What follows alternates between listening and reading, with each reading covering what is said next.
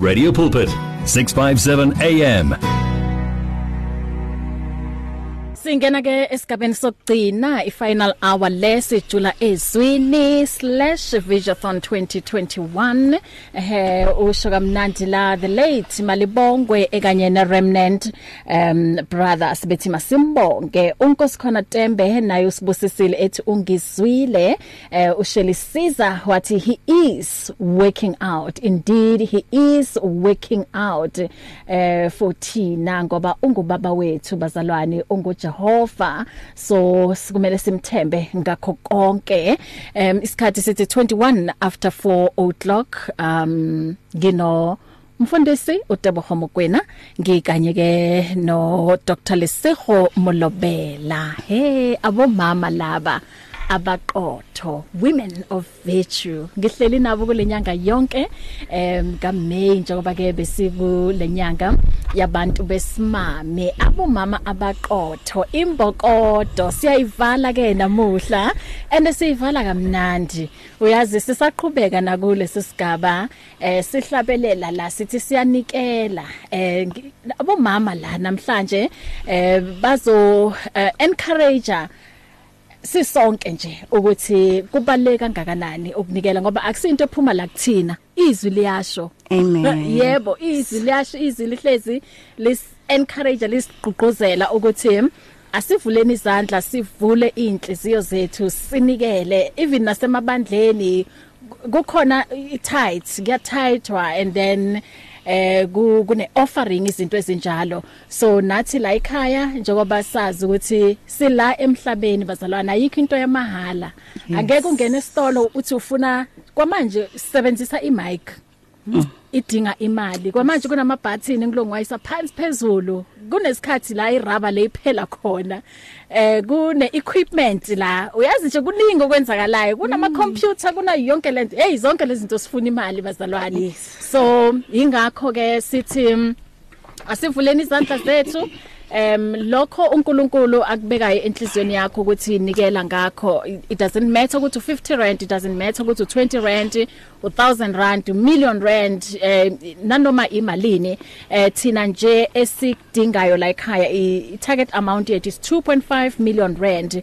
Eh njoba ke sisho ukuthi um siyidinga le mali to do critical maintenance work ku broadcasting um equipment. And sizoyisebenzisa futhi le mali for repairs and the replacement of old equipment so that we can stay on air. The radio stations are working on the bare minimum with regard to cost and focus on the most critical aspects which means being able to broadcast with reliable equipment. So city would you help us to repair and replace old equipment by giving towards the 2.5 million target? Um so that we can push fearlessly forward and spread the gospel. SMS the word give to 37871 followed by the word or or yes um SMS 37871 followed by the word give and the amount you wish to give. Standard rates apply. We believe bazalwane go Jeremiah 29 verse 11 that says I know the plans I have for you plans to prosper you and not to harm you plans to give you hope. And a future so nginabo mama lana sisaqhubeka sikhuluma ngendaba ye giving sanibonani bafundisi bami Sawubona makoti kaJesu. Sawubona sawubona sisibahle. ninjani Ngumusa sigciniwe sisi. aniseba Ngaphandle komusa silutho. hey uyabona lo musa lo usebenza imanga ngoba anisebahle anisebahle in fact every sunday miniza la ngivele ngithi wow Umuhle nawo. Awu bahle udlala ngathi yazi uhlala umuhle njalo. Hawu. ngiyabonga Hmm, asikhulumeni ngegiving. Izwi likaNkuluNkulu lithini about um i-giving? Alright. Um ithi ngibingelele mlaleli lapho ekhaya. Ngiyathemba ukuthi nani nisagciniwe emuseni kaNkuluNkulu. Uh now njengoba sikhuluma ngegiving um mhlambe ungazibuza ukuthi why must I give? So asicale la i giving is a command. It is not a suggestion. Mawufunda iBhayibheli usazofunda u- u- umfundisi uTebuho lana but it is not a suggestion ukuthi si- si- siphe or we must offer or we must give but it is a command ebuya kuNkulunkulu kuJesu Kristu kusho yena ema- ezwini lakhe or ku Luke chapter 6 verse 38 eh ngicela mfundisi usifundele yona. Okay eh u- ngicela ukubingelela nami abalaleli bonke before ngifunda. Eh siyajabula kakhulu ukuba nani namhlanje. And indeed we are giving to this awesome ministry ministry ye radio pulpit. The gospel itself is free but however the means of getting it out there like sisibahle ashilo it's very costly. Mm. there's equipment that need to replacewa there's stuff abo sisibahle nabo kumele bakhokhela ukuza lana bak uh, ipetrol abahambi ngamanzi zonke nje lezo zinto lezo. So we are believing God ukuthi he's going to touch your hearts listeners out there and uh, you are going to give to this awesome ministry that God is using so mightily to bless you. Okay ngizofunda ke uLuke 6 and laphana uverse 38 uthi give and it will be given to you. Good measure.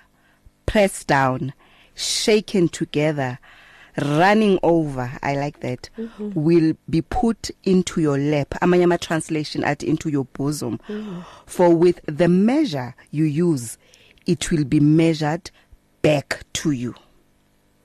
Yes siyabonga mfundisi. Uh, indeed sizwile. Ithi give and it will be given back to you. So lana sithola i promise ku Jesu uJesu Christ mayikhuluma athi it shall be given back to you. So um sometimes siye siphe with an expectation yokuthi sizothola something but lana um kusho yena uJesu Christ ucobo lwakhe ukuthi give and it shall be given unto you. But then i just want us to look at the reasons why we have to give especially at a time like this. Khona manje we facing a lot of challenges we facing a lot of problems. I covid-19 is one of the worst that we've experienced in our lifetime. And abanye aba- abantu abaningi they've lost imisebenzi yabo. Abantu abaningi they have lost their lives. There's a lot of uncertainty. Awazi ukuthi kusasa uzobe usaphila or ungakas- ungasaphili. Awazi ukuthi kusasa uzobe usasebenza or ungasebenzi. But then i want ukuthi ngikuthu- ngikukhuthaze mlaleli ukuthi u- i- indaba ye giving ayicali ngathi. uNkulunkulu himself he faced a need when he lost mankind to the devil. The time uh, in the garden of Eden uAdam no Eva when they sinned against the Lord iBible lithi we were separated from him. And uNkulunkulu uye wabona ukuthi there is nothing that can because he loves us so much there's nothing that can bring us back to him. That is why uye wayenzani? He planted his only son as a seed to save his creation which is to save us from the dominion kaSathani and so that we can be healed. Lokhu sikuthola ku John chapter 3 verse 16 the one that says for God so loved the world that he gave his only begotten son. So giving icale ngoNkulunkulu ayicalanga ngathi lana. Although sometimes sinokubuza ukuthi but what simele siphe? This is the time where simele si, we we need to want to give more now than ever before. Because we know ukuthi when we give we we we we are investing in the kingdom of God. Amen. when we give we are we are investing my apologies we are investing in the kingdom of God. So if you have a need right now maybe awusebenzi mhlawumbe uh, emsebenzini izinto zijikile some of the people baku, baku ma short hours basebenza short hours and you you are not sure ukuthi impilo yakho iya kuphi this is the time to give. And i want to tell you ukuthi i radio pulpit is a place whereby mawunikela you are giving into fertile ground. Amen. and uNkulunkulu because la kuhlala kukhulekwa uNkulunkulu is going to bless you. Because for ra- radio pulpit to be on air we need ukhulumile umfundisi uTebuho ukhulumile usisibahle ukuthi you know we need to ukuthi siphe so that the station can be running. You know khona manje sithola the prayers sithola imfundiso sithola all these things but only because of giving. So um Amen. ngimkhuthaza kakhulu umfundisi uTebogo uzokhuluma naye but really a, a radio pulpit is fertile, fertile ground. ground. Amen. Yes. And um God says in uh, 2 Corinthians um 2:9 that he rejoices in a cheerful giver. I think mm. let me read it. It says each man should give what he has decided in his heart to mm. give. Mm. Not reluctantly mm. or under compulsion. Oh yes. For God loves a cheerful giver.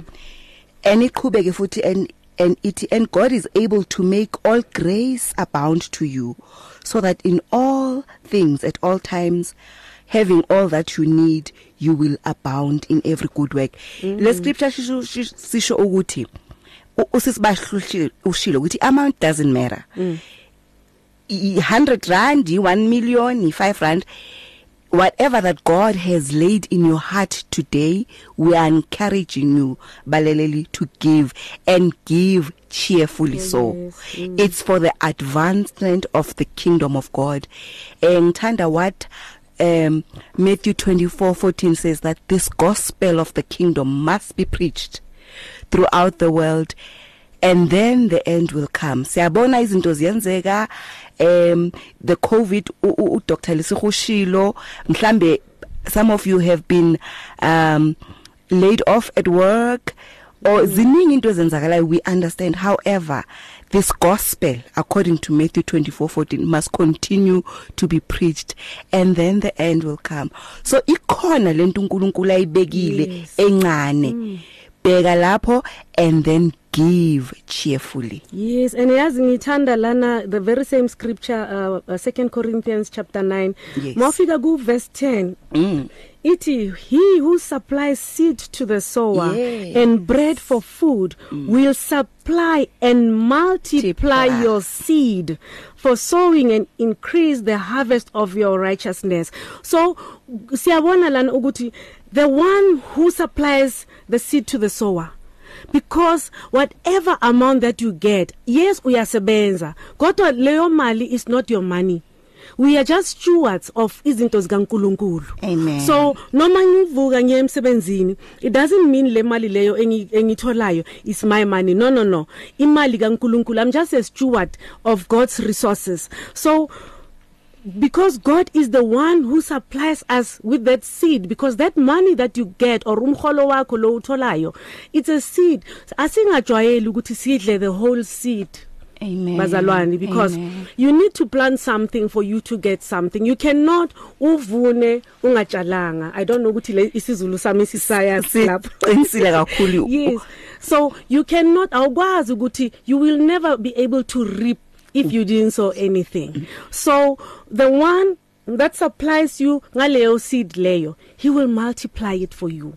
So I mm, yazi mina makufika isikhathi sokunikela ngijabula kakhulu ngoba i know ukuthi it's an invest investment in the kingdom of god. Amen. so ngikhuthaza kakhulu umlaleli la ukhona ukuthi uNkulunkulu he gave his very best which is his son so that thina nawe sibe saved. You know uNkulunkulu usithande kangako to a point whereby he took his only son wamenza isono the one who knew no sin wamenza isono so that thina we can be saved. So let us also give to God. And uNkulunkulu athi try me and see ukuthi mina uNkulunkulu whatever I've promised you I will never do it for you now so siyanikhuthaza kakhulu um uNkulunkulu he wants to meet your needs and he wants to multiply your seed back to you abundantly so give to the Lord as he has commanded and plant a seed of faith and expect your miracle Amen.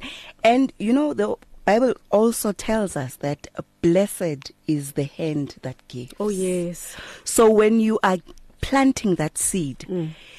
it means you are so blessed because God has given you that seed and now you are planting it into this fertile soil mm. yes a radio pulpit yes. then it means you are blessed? And how are you blessed? Ungangibuza ukuthi mfundisi usho ukuthini ukuthi I'm blessed? Mm. you are blessed but you are also contributing in the spreading and in the proclamation of the gospel mm. of of Christ through radio pulpits to, so that is also becoming a blessing. You know I remember one time uh, my pastor shared to me ukuthi you know when we get to heaven ngelilanga khona abantu ongabazi abazoza kuwe bakubonge Dr. Leseho bathi ngiyabonga wa eh sowa acid e radio pulpit and then when uzozibuza ukuthi kanjani?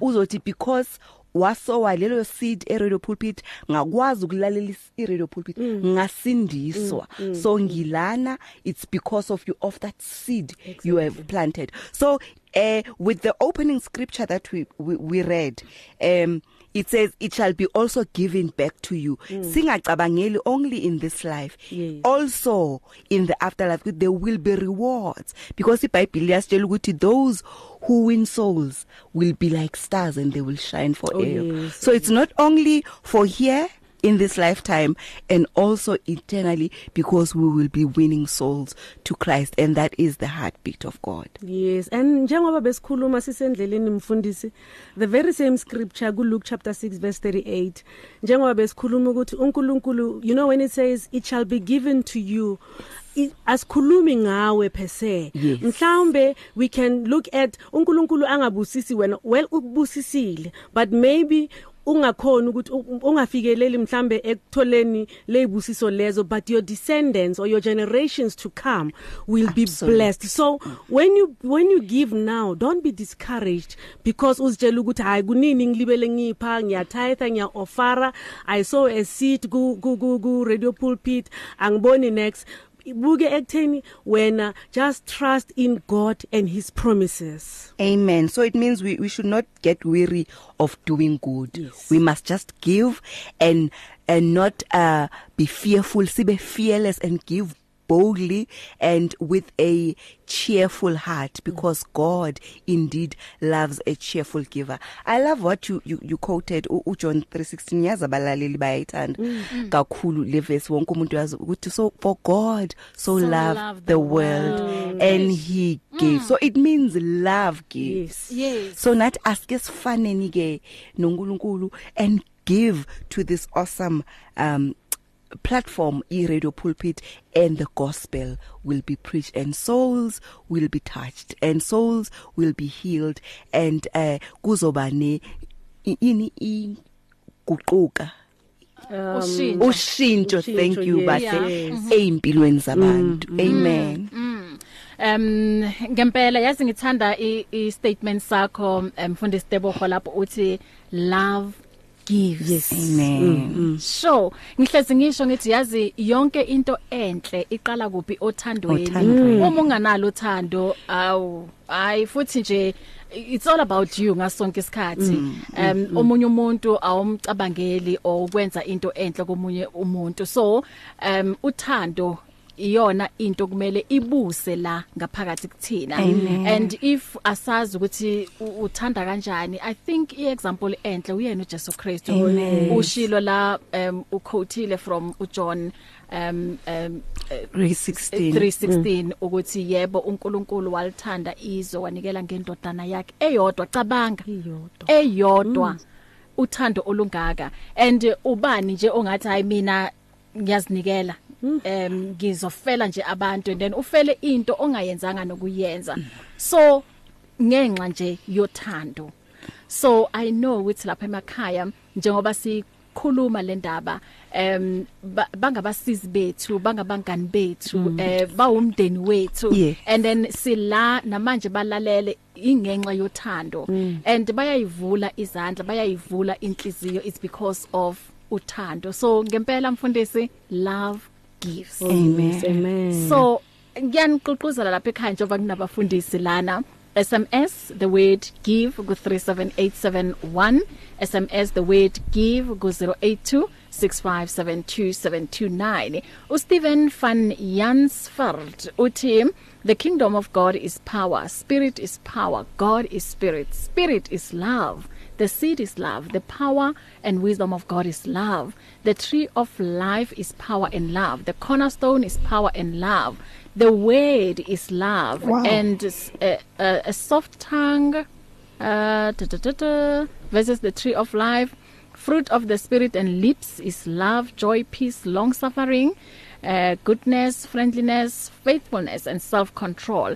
If we didn't have sin Jesus wouldn't have died Yes. um Jesus Christ is water the word is water spirit water and blood water is spirit and blood and the word the word is Jesus Christ and spirit and water so the father is water and Jesus Christ and the holy spirit is water and the holy mother Mary okay hmm angazi bafundisi hey yazi u- u- u- u- u- ubaba Steven yameke ngo ngo Mary ngikhumbula what Mary did the other Mary not u- u Mary umama ka ka Jesu u Mary the friend of Jesus. Before ezobethelwa she anointed Christ with expensive perfume. Wow. Wayithatha wamgcoba ngazo enyaweni meqeda akazange agcine lapho waguqa phansi and wiped his feet mm. with her hair. Mm, mm, mm. and then nangu Judas uthi ku Mary Mary why ungathathanga le mali wayenzani ngaye? Uyinikezeleni uJesu lento I'm just sure he just reminded me ukuthi that was also love. Ukuthi uMary athathe iperfume yakhe yo mhlambe bekwe yokugcina.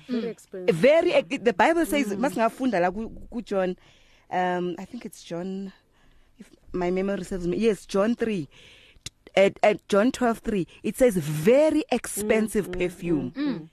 And she gave it to the Lord she ministered to mm. the Lord so ke nathi uma we take our best singabalaleli be radio pulpit singama supporters e radio pulpit and give it to this ministry God is going to bless us more abundantly so it means we are also ministering to Yeah. Christ himself mm. like uMary enzile i i was just reminded about that scripture njengoba uStephen ekhuluma ngoMary Mm and yabona naye ushilo la indaba ukuthi um the seed is love Yeah. angithi Yes. abanye uma benikela la uthi eh, ngiyatshala um the seed ku radio pulpit mm. so uthando nalolo Oh, yes. It- so yes yeah. it was love uh, what what Mary did would I I had the very expensive one yeah I it was just showing uh, how how much he loved Jesus so mm. love love goes a long way mfundisi it does it does it does it goes yes. a long way Amen. 1643 um mhlambe lapha ekhaya bayathanda ukuxoxa nathi um ngodaba lwe giving. Mhlambe umunye une testimony uthi yazi mina ngabona isimanga emveni kokuthi eh ngivule inhliziyo yami ngivule isandla nganikela. Ngambona uNkulunkulu evula nje izinto eziningi ama testimony esithanda u- ukwezwa lawo ngoba ngesinye isikhathi abantu bayithatha i- i- indaba ye giving ukuthi hayi uyabona labafundisi they, are- they are robbing us. Ima- imali zethu. So mhlambe omunye ukhona uthi hayi cha uyabona mina ngimbonile uNkulunkulu em engisebenzela lapho ke ngiqala nginikela ngothando and anikela lokho anako unganikeli lokho on- ongenakho. Kumele unikele lokho onako. Em siyabonga kuphangisile mgomezulu uthi give 500 rand. Thank you so much inkosi nje ikubusise. Mm. eh sithi ke bazalwane siyabonga kakhulu. Ngibonge nje um kuku wonke umuntu who is participating in our visiothon. Ngithi let us keep pushing fearlessly forward until we have reached the target amount eh, engu 2.5 million rand and ngibabonge nabafundisi la eh, besiqoqosela sizwa ezwini ukuthi izwi likaNkuluNkulu lithini about giving. Isikhathi ke manje sithi 15 before 5 o'clock 0123341322 um mhlambe kukhona nje ungathanda ukukushare nathi about giving. Um ungakhuleka nje noma uthumele ivoice note ku 0826572729 um unga SMS ana ku 37871 inamba ka 0826572729 isebenzise na ku Telegram 0123341322 0123338699 zivuliwe ke incingo yabona ke sinemizuzu embalwa only um plus minus 15 minutes so kulo asimsebenziseni lo 60 lo 15 minutes 0123341322 ungasabi ukushaya mzalwane ngoba sithi Give. sithi give ayi cha Yes, njoba yes. ngisho ngithi noma une testimony um or mhlambe during the week uye wanikela and now uyathanda ukuthi ke ugqugquzele nabanye ungashaya ke ucingo wakhuluma nathi. Even nakulabo abangathanda ukushare nje nje ukuthi um uNkulunkulu umbonile empilweni yakho um sitshele nje share nathi eh, ukuthi ngisibonile isandla sikaNkulunkulu. Yeah 0123341322 um ithi ngenze kanje ngizobuya emveni kwalokho sithathe nje ikhefu. Yes 14 before 5 o'clock It's here. Radio Pulpit's new website is live. You can tune in at radiopulpit.co.za and enjoy crystal clear sound with just a click of a button or listen to our podcasts. Discover biblical truths in our daily devotionals and let our stories of hope inspire you.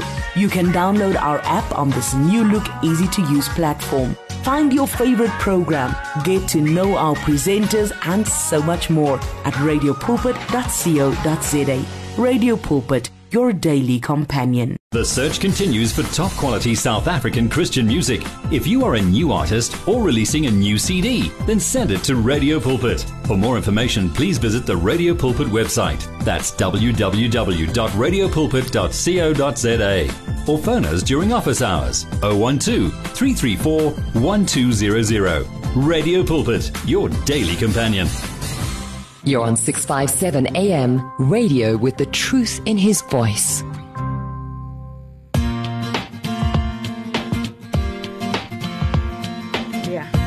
Matthew- 2021 Visiothon May 2021 uh sithi fearlessly forward. In 2020 uNingzim Africa um were united in shared grief over the devastation caused by the corona um virus pandemic. Today we need hope. Radio pulpit and radio k pulpit push forward fearlessly with a message of hope while we broadcast the good news 24 hours a day. So city will you add your voice to us and help us to stay on air by giving towards the 2.5 million target to repair and replace old broadcasting equipment. SMS 37871 followed by the word give and the amount you wish to give. Standard rates apply. Hey kanti kwenzakaleni ngaloya mculo wami omnandi bodlala la? Angazi uvele wahamba. Angazi kanjani? Angazi angazi. Okay asitholeke la i voice note eh hey khalimambo asizi ukuthi uthini khalimambo la? Nkosazana siyabingelela abefundisi la unabo lapho umfundisi umkwena no doctor. Ke manje lekunikela lokhu ikona lokuvula indlela lethu sukathi ivalekile. Kodwa noma unikela ungawunikeleli ukuthi hayi ukuthi ovule kathi indoda amtambe kahle. Ngasunikele tingahambe kahle, ngasinikele tihambe kahle. Manje ke ngomunye umnyaka ngithola umsebenzi kwenye indawo. Manje lo mama osebenza nawe uthi lo akaphani bonus. akaphani lutho lo ngafika mina ngasebenza umama waqhamuka nesicucuba sethi impahla lethi nyingi wayubhekile lo mama usebenza la endlini. Hayi wabeka ngabeka umama wahamba lo wakhwebuka la hey ukuphentoni la ukuthi siyobona man safika lapho uthola ukuthi ukuthi impahla lethu durile wathi abantu abami bayasokhola. Ngathi thatha wathatha ke la ubaba loya. Kwaphela unyaka loyo wa- waza na bonus lo mama. Nebonus. Akakaze wabapha labasebenze lapha manje kukhona la kunikeleni ke lethi into ivuleka la kunikeleni la. Ngomunye umnyaka futhi ngiseshopho siyobhadala lapha sifolela kunomunye umamanyana omncane nyana nje. Muhle nyana lo mama lo ucale phambili kwami. Unemntana akho omncane. Mntana nyana akho wakhe nje. Ha lokho umntwana bahamba bayahamba ilayini kucaleka kuyakhala sekubona ama chocolate lapha kuyakhala lokho umntwana. Ngithulile mina. Kuyabamba useyekela yekela matsonga tsikata tsika tsika. O manje laphayani ngagcina mina ngaze inhliziyo yami ukuthi hayi lo mntwana uthi ngimthengele. Ngathi ufuna yipi wathi le ngala le yimthatha le ledurile le. Ngakuthathela leso hamba sewubhatala nalomntwana lo mama umile lapha ngiyafika. Athi uyabona wona mntanami? Itatana wawena ipapa wawena lo mtshela ukuthi niyakhensa papa. Ipapa wawena ke lo. Lo mama lo uthi papa wawena ke lo? Hawu ngathula ngathi du lokho mntwana ngatsho vela ukuthi nikhensile papa. Manje uyabona ke leti into leto ilapho uthi vela kho ila kunokhona ukuthi ungasheli umuntu ashele wena. Uyabona ke le simanga kuma Africa amaningi awayathi lenzaba leyo. Manje zikhona le kunikele khani mamkhosaza hayi kanimambo kalimambo Oh my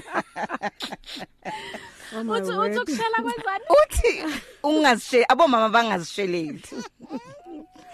Angazi kuhlangana nokunikela kodwa nimzwile ubaba Okay. Khalimambo uthi thina bomama asizisheleli manje mabangakhulumi senze njani? Hayi bahle ake siyekele leyo hayi mina ngibuza yena mhlawumbe uzophendula okay umamzo uthi amen to the message kadokotela uthi truly our god is faithful indeed. If we give he shall reward us in many different ways even just to take care of those we love is a reward. Life itself is a reward. Amen. wow. Amen. thank you so much mamzo. Umyalezo onamandla kakhulu loyo. Ya um lapha ekhaya uma ke usathanda ukuqhubeka unikele um ukuze ke umsebenzi ka Radio Pulpit uqhubekele phambili eh, ungakhuleka nje wathumela igama elithi give ku 37871 noma ungathumela igama give ku 082657 2729 eh sino plus minus 5 minutes uma ke usathanda ukungena noma uthanda ukuthumela ivoice note sikhu- sikhuluma ke ngegiving. Umzwile ukhalimambo ube ube share testimony yakhe Yes. Powerful ukuthi one. yena igiving and igiving e- ephuma kuphi ekujuleni kwenhliziyo ephuma othandweni iye yamvulela. Imvulele, yes indlela ngendlela ezihlukahlukile so yebo zingavuleka ngendlela ezihlukahlukile asisho ukuthi em, eh uma unikela kusho ukuthi kusasa uzothola una 20000 Yes, eh, in your bank account uzothola imoto ikulindele ngaphandle. Cha asikhulumi ngaleyo ndlela bazalwane. Kuneyindlela eziningi okuwukuthi uNkulunkulu angavula eh, amasango angavula la kuvaleke khona. Ngesinye isikhathi uthola ukuthi uba nenkinga nabantu. Uthola ukuthi uyazi uyayilungisa leyo nto. Nizwane ningumndeni uyabona nje kuningi okungenzeka em lapho unikela ngenhliziyo e- e- e- e- ekhululekile. Okay bafundisi bam em kulo um 6 minutes esisele ngawo angazi ukuthi ke kukhona es- esithanda ukueda lapho.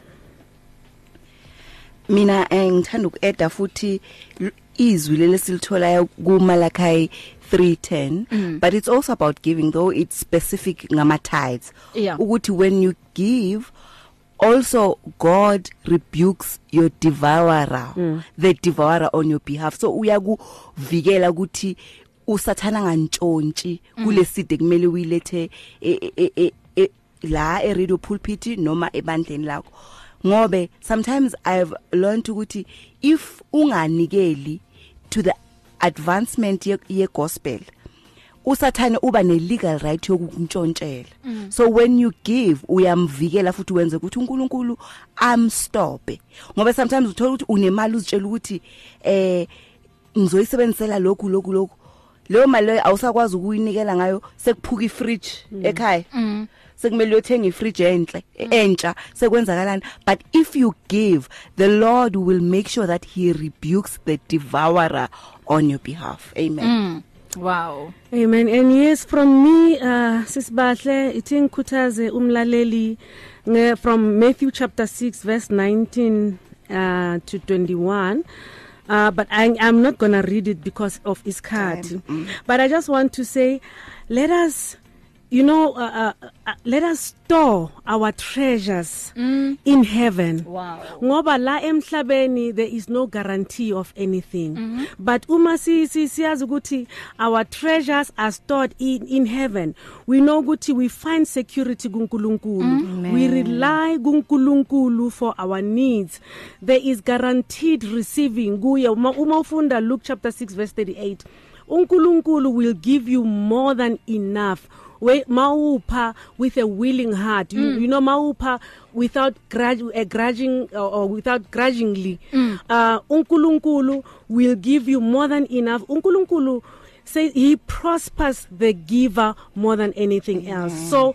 uNkulunkulu will bring a harvest to you you know i radio pulpit can be able ngokupha kwakho can mm. be able to reach a multitude of people Amen. Wow. but without your giving i radio pulpit is limited mm. without your giving radio pulpit will never khona manje besakhuluma nge something else that we've identified ukuthi you know it would be nice ukuthi i radio pulpit ibe nayo you know they need ukuthi the system needs to be upgraded mm.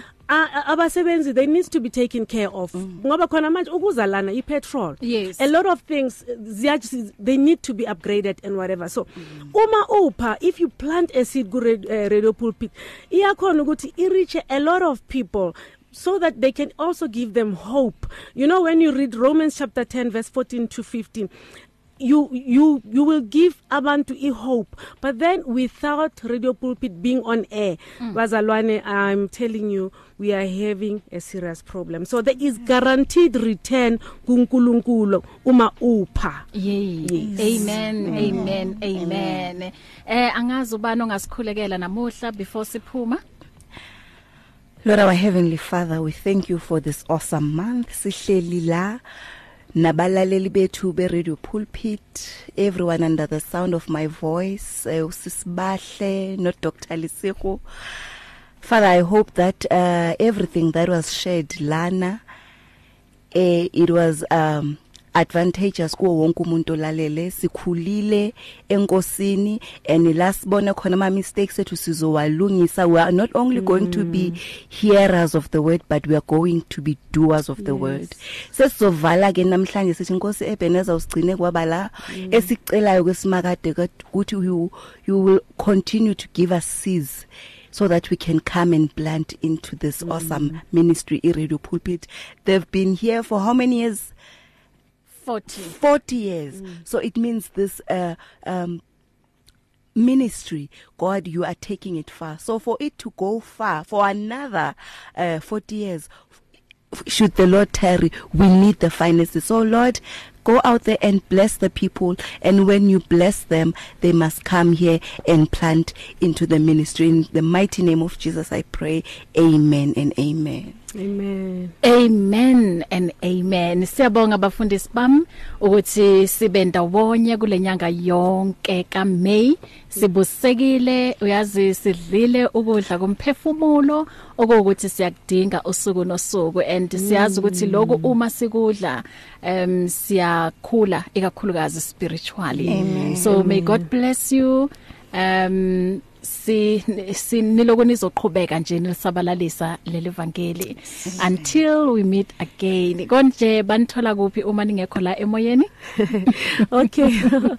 M- mina u- u- uzongithola mlaleli ku 0680603266 ku Facebook um lesego molobela. Instagram it's lesego.molobela mina umete bogomokwena ngikhona ku Instagram Mr bogomokwena ku WhatsApp ocingweni 079093 5027 amen. Amen. Ithi nje ngidlulisa amazwi okubonga kubo bonke ukuthi baye bangena nami la ohlelweni banikela. Uh, thank you so much ku Susan give 300 rand. Uthi K pulpit is such a blessing to me. I listen every day from morning till evening. Mm. it lifts my spirit and encourages me eh sibonge futhi nala ku eh thingibona ubani la omunye. Um uthi um, Uh okay uClifford Kirkman thank you so much. Ngibonge nalapha ku Clody uh, uthi give 100 rand. Clody Peterson uh, ngibonge futhi naku Hey ingahambi masinya lento hey ngifuna ukubabona kahle bonke nje. Yeah okay ngibonge ku uh, Clifford K- uh, Kirkman ngibonge nalapha ku ubani Rachel uh, van Picketback uthi give 300 rand. Yes ngibonge nalapha ku eh Manda uthi nje give sibonge naku um, mode eGauteng uthi give 200 rand alihambe evangeli ngiphinde futhi ngibonge naku eh Dina Hadebe uthi give 250 rand. Ngibonge naku uthi happy sunday. I'm listening gospel music on radio pulpit. I'm Ditaba from Rivers Sonder. Rand eWestern Cape. Ngibonge kuKhalimambo ngibonge nje eh naku uh, uh, Banlona Bertus Reineke uthi okay befuna confirmation. Um you will definitely get it Mr Bertus. Ngibonge naku Nteliseng Mashilwani uthi give 300 rand ngibonge naku Uh okay 500 rand number phela ngo 8682 thank you so much. Ngibonge nalapha ya ku eh mam mashinini eval uthi malihamba evangeli give 100 rand. Eh ngibonge nakubani ku sis Maureen give 100 rand. Ngibonge naku Memlinda emeya 10 give 300 rand. Uthi I'm praying for your pulpit to go from strength to strength.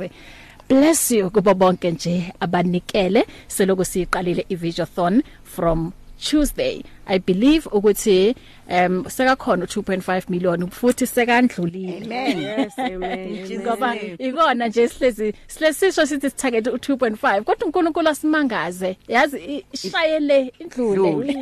Overflow. yebo. Bless you. Ngiyaphuma ke upastor Ray Hodi uyeza? Uzoqhubeka nawe njengoba selishayile elesihlanu ihora until 7 o'clock. Mina nawe sisonke nakusasa kuseni bless you. If you need prayer, please send your request to prayer at radiopulpit.co.za or WhatsApp 067 429 7564 or go to Radio Pulpit website on www.radiopulpit.co.za. Do you want to grow your business sales? Do you know that you can advertise on Radio Pulpit, Radio Pulpit website, the Word for Today magazine, and the Word for You Today magazine at the ridiculously low prices? Yes, you can indeed. Radio Pulpit, your daily companion, offers you the platform to grow your businesses at the best affordable prices. Simply contact me, Godfrey Moabi, on godfrey at radiopulpit.co.za or call me on 012 334 1265 and I'll tell you how. Remember, I've made it my business to grow your business. You and 657 AM and life, a winning team on the road to eternity.